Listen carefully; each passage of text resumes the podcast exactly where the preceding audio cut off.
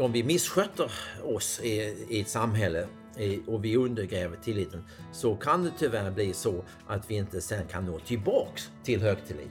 Och högtillit har enorma fördelar i samhället. Att bara ha ett, ett klimat där man faktiskt får säga vad man tycker. Ja. Att bara ha möjlighet till det. Att det är en viss nivå av tillit som, som man behöver ha för att ens kunna föra det samtalet. Ja. Hej! Du lyssnar på Angeläget, en samtalspodd från Svenska kyrkan i Umeå med Lena Fageus och gäster. Idag är temat Håller vår tillit på att förändras?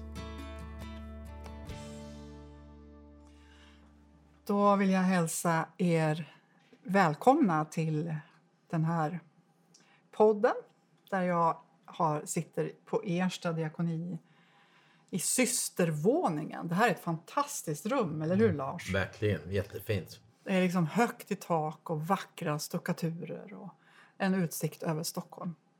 Här sitter vi och samtalar. Jag samtalar med Lars Trädgård. Jag tänder ljuset som eh, vi brukar göra initialt.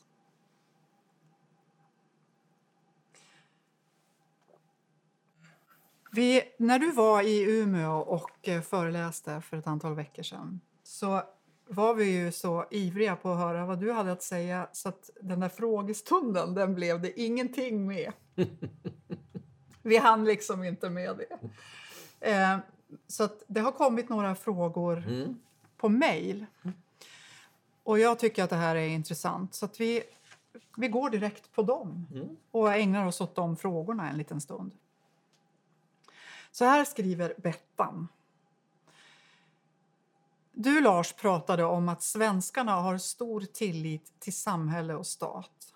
Men att svenskarnas tillit var sval eller kall är osäker på vilket ord du använde och vilka ord jag ska använda i frågan för att den ska bli tydlig. Men jag hoppas att du förstår vad jag menar. Kan du utveckla vad du menar med det?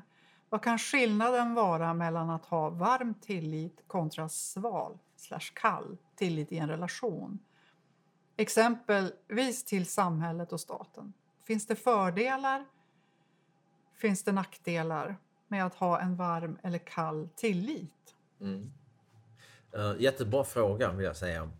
Uh, och jag, jag skriver tillsammans med mina kollegor här en bok som heter Den svala svenska tilliten. Och jag använder just ordet sval snarare än kall. För det är inte egentligen så mycket det, det, det där med kall och kylig kan liksom vätta för långt över liksom i någon lite mer negativt. Men, men poängen med sval kontra het tillit är följande. Att det som kännetecknar den här så kallade generella tilliten som är så hög i Sverige eh, är just att den eh, i någon mening bygger just på regelverk och lagstiftning som är lika för alla. Um, och, och den där tilliten är också då kopplad till avsaknad av korruption. Där ju också då Sverige sticker ut. Uh, och om du jämför då den här svala tilliten, eh, den generella tilliten som är kopplad till en idé, en föreställning om att vi är i ett gemensamt samhälle som är styrd av lagbunden ordning och byggd på gemensamma institutioner som i grund och botten så att säga förhåller sig lika till alla. Men jämför det med den partikulära tilliten, den som du och jag skulle kalla för den heta tilliten.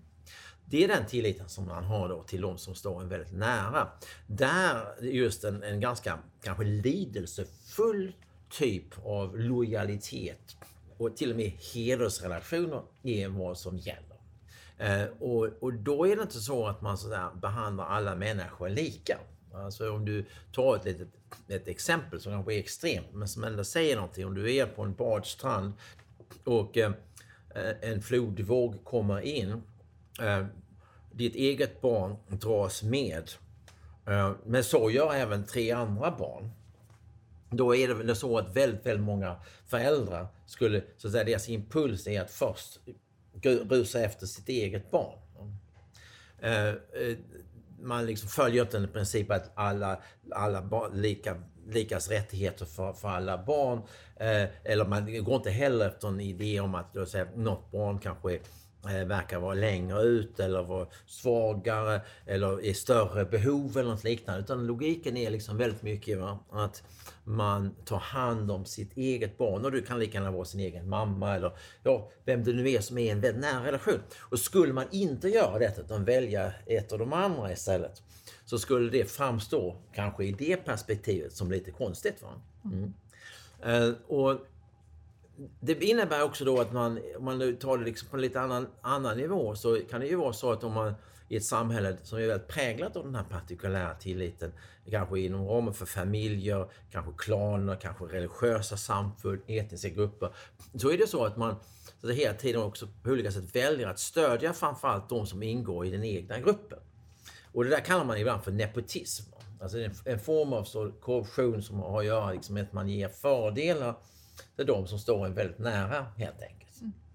Uh, och det där är ju inte någonting som är svårt för oss att förstå. Alltså därifrån kommer vi människor. Vi, vi kommer egentligen från små samhällen i grupper på kanske 200-300 individer. Så det finns inga skäl liksom att vara fördömande. Som, jag, som mitt exempel med barnen på stranden. Det skulle ju vara konstigt om man inte gick på sitt eget. Exakt va.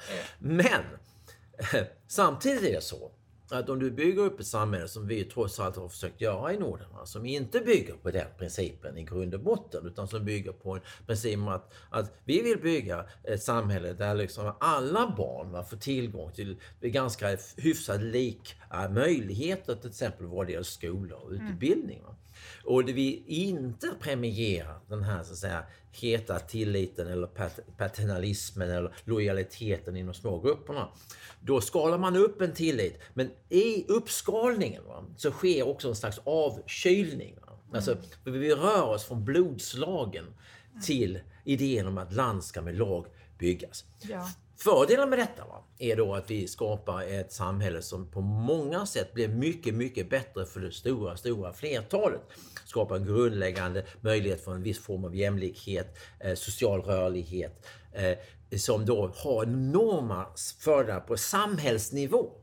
Även om vi så att säga, på individnivå säkert fortfarande eh, i dagliga livet på många sätt ändå så att säga, givetvis ger preferenser i olika situationer till våra, de som står oss nära. Eh, men på samhällsnivå i detta fall. Och det ser vi om vi jämför då de nordiska länderna med så många andra länder runt om i världen. Att den här avsaknaden av korruption eh, och, och, och liksom en mer att säga, grupporienterade typer av, av lojaliteter och preferenser. Alltså det, det är ett skäl till de nordiska länderna har haft eh, eh, en framgång vad det gäller att skapa välstånd och rättvisa på ett sätt som kanske inte är eh, normen runt om i världen. Inte heller historiskt. Men sa du någonting om nackdelarna? Ja, alltså nackdelarna med den svala tilliten. Ja. ja, alltså det är väl lite grann det som, som vi pratade om i det första avsnittet. Ja. Man kan då tycka att det här var kallhamrade människor. Va? Mm. Som, som, som, om, du, om du tar det här frågan om nepotism till exempel. Va? Mm. Om du pratar med en person som kommer från ett eh, land som är mer präglat av, av den här heta partikulära tilliten så kommer de ju nu uppfatta då en svensk som inte va, tar hand om sina egna som en ganska besynlig människa. Va? Alltså det blir liksom en, kan man säga, en, en lite mer snäll version av, av det här valet vid badstranden. Va? Vad är det här för människor som inte förstår att det viktiga är din familj? Mm. Eh, eh, vad kan vara viktigare va, än detta? Helt enkelt. Va? Är, är du verkligen fortfarande människa på riktigt? Va? Om du, om du liksom tycker att jämlikhet inför lagen är viktigare va? än lojalitet inom familjen. Mm. Eh, och, och, en del människor skulle väl kanske ibland också påstå då att svenskarna är liksom i vår tendens att vår sällskaplighet, vår besatthet av lagbunden ordning och oss själva som individer. Att vi där liksom, det förklarar någonting som även svenskar ibland kan gnälla över att svenskarna är lite trista och tråkiga och, och inte kramas med varandra för mycket. Har för många fyra meters och kilometers avstånd som ideal och inte tillräckligt mycket eh, är sällskapliga i det här all, vanliga alldagliga sättet. Va? Så, så, där någonstans kan man säga att det, det, man, man, kan mycket väl formulera liksom en, en, en en kritik. Alltså vem, vem vill inte vara i relationer som är lidelsefulla, liksom, där kärleken är uttryckt eh, liksom otvetydigt. Va? Kontra ett samhälle där vi alla springer omkring eh, och, och följer eh, olika regler och lagar eh, hela tiden i, i vårt dagliga liv. Sen är det som du och jag pratade om tidigare. Va? Så är det ju så att i verkligheten är det ju inte så att du bara har de här två idealtyperna. Att du har liksom ett val mellan het och sval tillit. Utan det är ju så att, att det är alltid en, en blandning av detta i våra dagliga liv. Va? Ehm, eh, men, men problemen idag i Sverige är intressant att ta en sån här fråga som valfrihet i skolan till exempel. Där, där valfriheten inte egentligen är barnens valfrihet. Utan det är föräldrarnas valfrihet att välja för sina barn. Och vad vi då ser i Sverige nu är att vi börjar röra oss tillbaks va, mot den här, liksom, den här heta tilliten i det partikulära.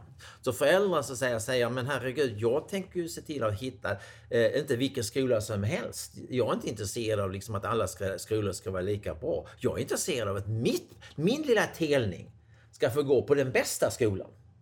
Och jag kommer utnyttja de här möjligheterna till valfrihet och se till va, att de hamnar i rätt miljö med rätt eh, lärare, de bästa mm. lärarna. Och problemet med detta va, är då att det här i förlängningen kan skapa ett mycket mer segregerat samhälle eh, med klassklyftor, med grindsamhällen för de rika, eh, med sämre möjligheter för barn som kommer från, från sämre bakgrund och så vidare. Allt detta som vi har hållit på att kämpa emot i Sverige under decennier. Mm. Jag träffade på någon, jag kommer inte ihåg vem nu, jag bara kommer ihåg citatet, men det var någon som sa att jag älskar byråkrati. Det hör man inte så ofta, Nej. men det ligger i linje med det här. Det, alltså det är någonting med att ja, men, rätt, eh, samma rätt till, till var och en. Ja. Och att det, att det är någonting som, som är värt att värna. Ja. Du, jag, jag vill gå vidare med frågorna. Jo, jag tror att mm. du har svarat på den mm. första frågan. Um, nu ska vi se. Bettan är vi fortfarande hos. Om jag förstod dig... Hur ser du på tillit inom en organisation eller arbetsplats? Om jag förstod dig rätt beskrev du det som att det fanns en stor tillit till hur vi i Sverige hanterade coronapandemin. Men att när dödstalen steg så kan tilliten ha minskat eftersom vi då blir mer osäkra på om vi vi och våra nära kan vara trygga med det vägval, den strategi vi valt. Kan det finnas liknande variabler som skapar tillit respektive icke tillit inom en organisation eller arbetsplats? Mm. Ja, det är också en fin fråga tycker jag. Ehm, jag tror det är viktigt det här att alltså, vara medveten om det finns en slags eh, paradox vad det gäller tillit. Å ena sidan är det liksom tillit lite grann som sånt som, som Kierkegaard brukar beskriva. Liksom ett, det är liksom ett, ett språng in, mm. in i det okända. Man, man, liksom, man gör ett tillitssprång. Det är liksom inte bara baserat på faktisk kunskap, att man vet att detta liksom är tryggt och säkert. Utan man, tillit, man väljer det på något sätt. Tillit, jag, jag, jag, kanske inte ens väljer, utan det är lite grann som tro. Tillit och tro ligger varandra nära. Va? Det, ja. det, det, det, är inte så att du tror på Gud bara för att du har fått bevis för att Gud finns och att Gud gör goda saker hela tiden. Utan tron är någonting mer än det. Eh, och det är samma sak med tilliten. Det, det, är liksom inte evidensbaserat på det sättet. Eh, det är den ena saken. Men andra sidan är det också så att, att tilliten kan undergrävas om det visar sig att den verkligen är obefogad. Alltså om det, blir liksom en trend om och om igen. Mm. Och det kan ju vara då till exempel i en organisation, eh, det kan vara på samhällsnivå. Eh, exemplet med Corona är ju, är ju väldigt aktuellt idag för vi kan då känna liksom att vi, vi har liksom ett ingångsvärde som handlar om tillit. Mm. För att vi har, det är så vi byggt upp vårt samhälle. Men är, visar det sig sen att väldigt många människor dör så börjar vi då rikta våra blickar mot, eh, låt oss säga äldreomsorgen. Mm. Eller, sjuk, eller Folkhälsomyndigheten eller regeringen. Mm. Och, så någonstans finns det icke desto mindre liksom en, en, ett element av att även tilliten har en koppling till, eh, till någon form av, av, av så säga, evidens i ett lite längre perspektiv. Eh, och, och, man sätter liksom inte tilltro och har inte tillit för en institution eller en arbetsplats eller en chef eh, i all oändlighet. Om det visar sig att eh, de som man har haft tillit till inte levererar. Och det här är lite grann tillbaks på det här som jag pratar mycket om, nämligen det svenska samhällskontraktet.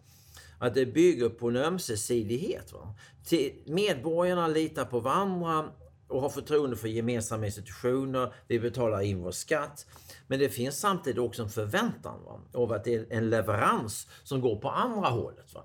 Så är det så att våra vägar inte fixas, skolorna inte funkar, eh, sjukvården inte är bra, eh, äldreomsorgen kan inte skydda våra äldre. Ja, då över tid va, finns det ju en distinkt möjlighet att den här tilliten, på goda grunder, va, un undergrävs. Mm. Eh, och, och, där finns det då tyvärr i förlängningen då ett scenario som är, är som är väldigt trist. Va? För att det vi vet från forskningen är att, att, att det är väldigt svårt att bygga upp tillit. Alltså tillit är någonting som inte man liksom fixar genom en förordning från en dag till en annan. Detta är vad man kallar för liksom sega strukturer som finns i ett samhälle. Vi vet mycket mer om undergrävandet av tillit än vad vi vet om att återskapandet av tillit. Mm. Så att i det ögonblick om vi missköter oss i, i ett samhälle och vi undergräver tilliten så kan det tyvärr bli så att vi inte sen kan nå tillbaks till högtillit. Och högtillit har enorma fördelar i samhället. Eh, vi ser ju till exempel i USA som var ett högtillitssamhälle på 1950-talet som inte längre är det. Eh, och där idag nu har nått till den punkt som vi sett under, under Trump och det här sista presidentvalet. Va? Just hur enorm polariseringen och misstron är som de liksom färgar hela det svenska samhället. Och det här är ju inte en utveckling som... Nu sa du det svenska men du menade det amerikanska? Ja, eller? det amerikanska ja. samhället. Förlåt mig. Och det här är ju en utveckling som vi eh, absolut inte vill se eh, i, i, Sverige. Nej.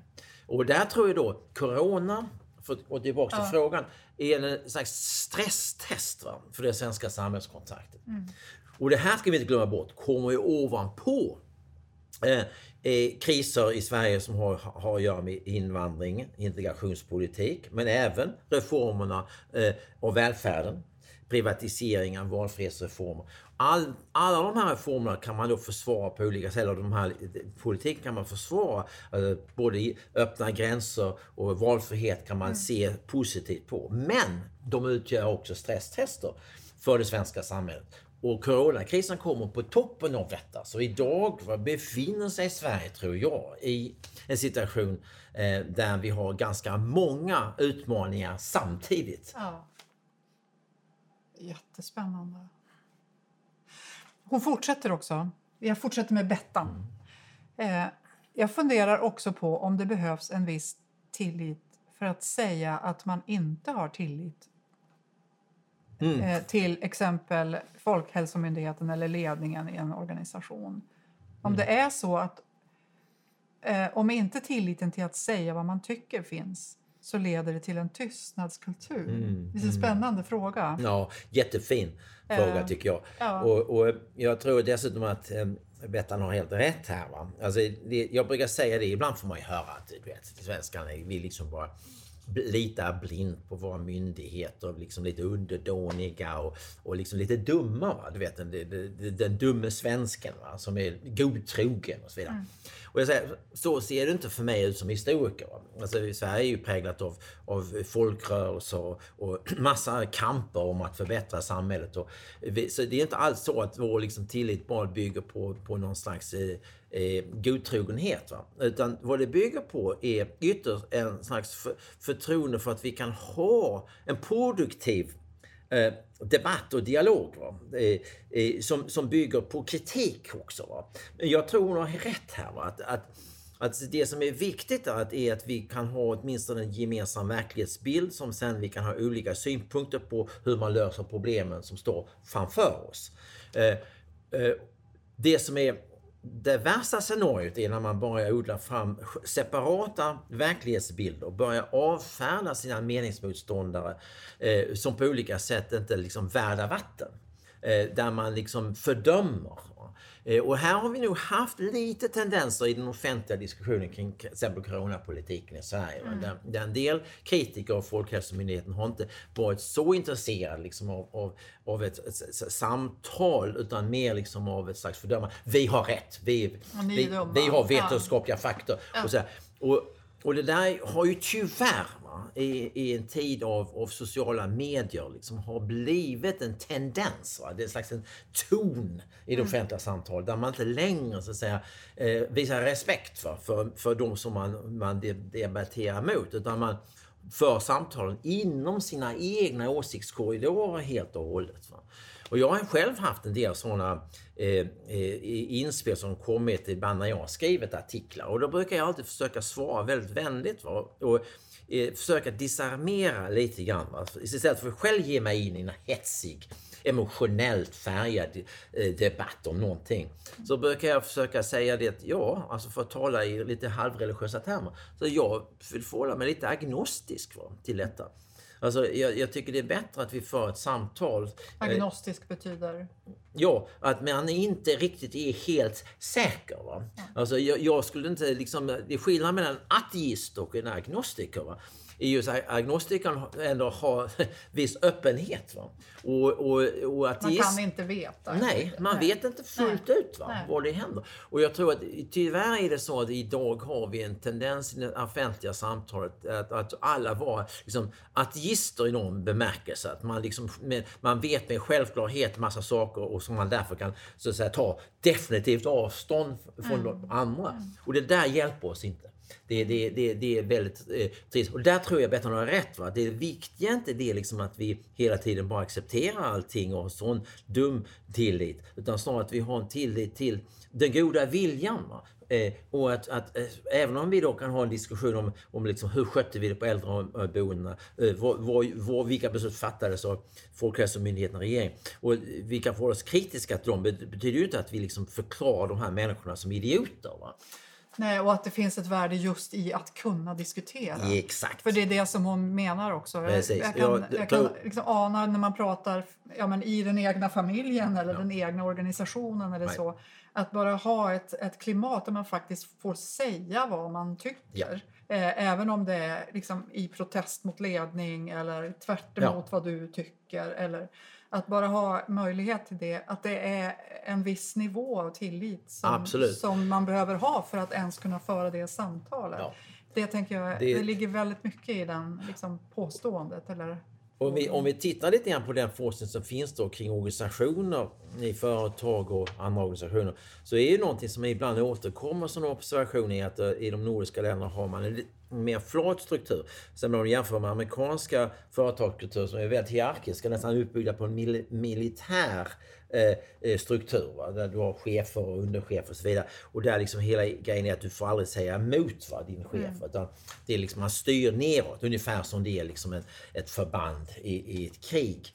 Eh, där då, I de nordiska länderna har man liksom ett, eh, eh, skapat en större liksom möjlighet va, för folk som befinner sig på olika nivåer att icke desto mindre tänka fritt. Va, och, och faktiskt kunna bidra va, med, med erfarenhet och tankar.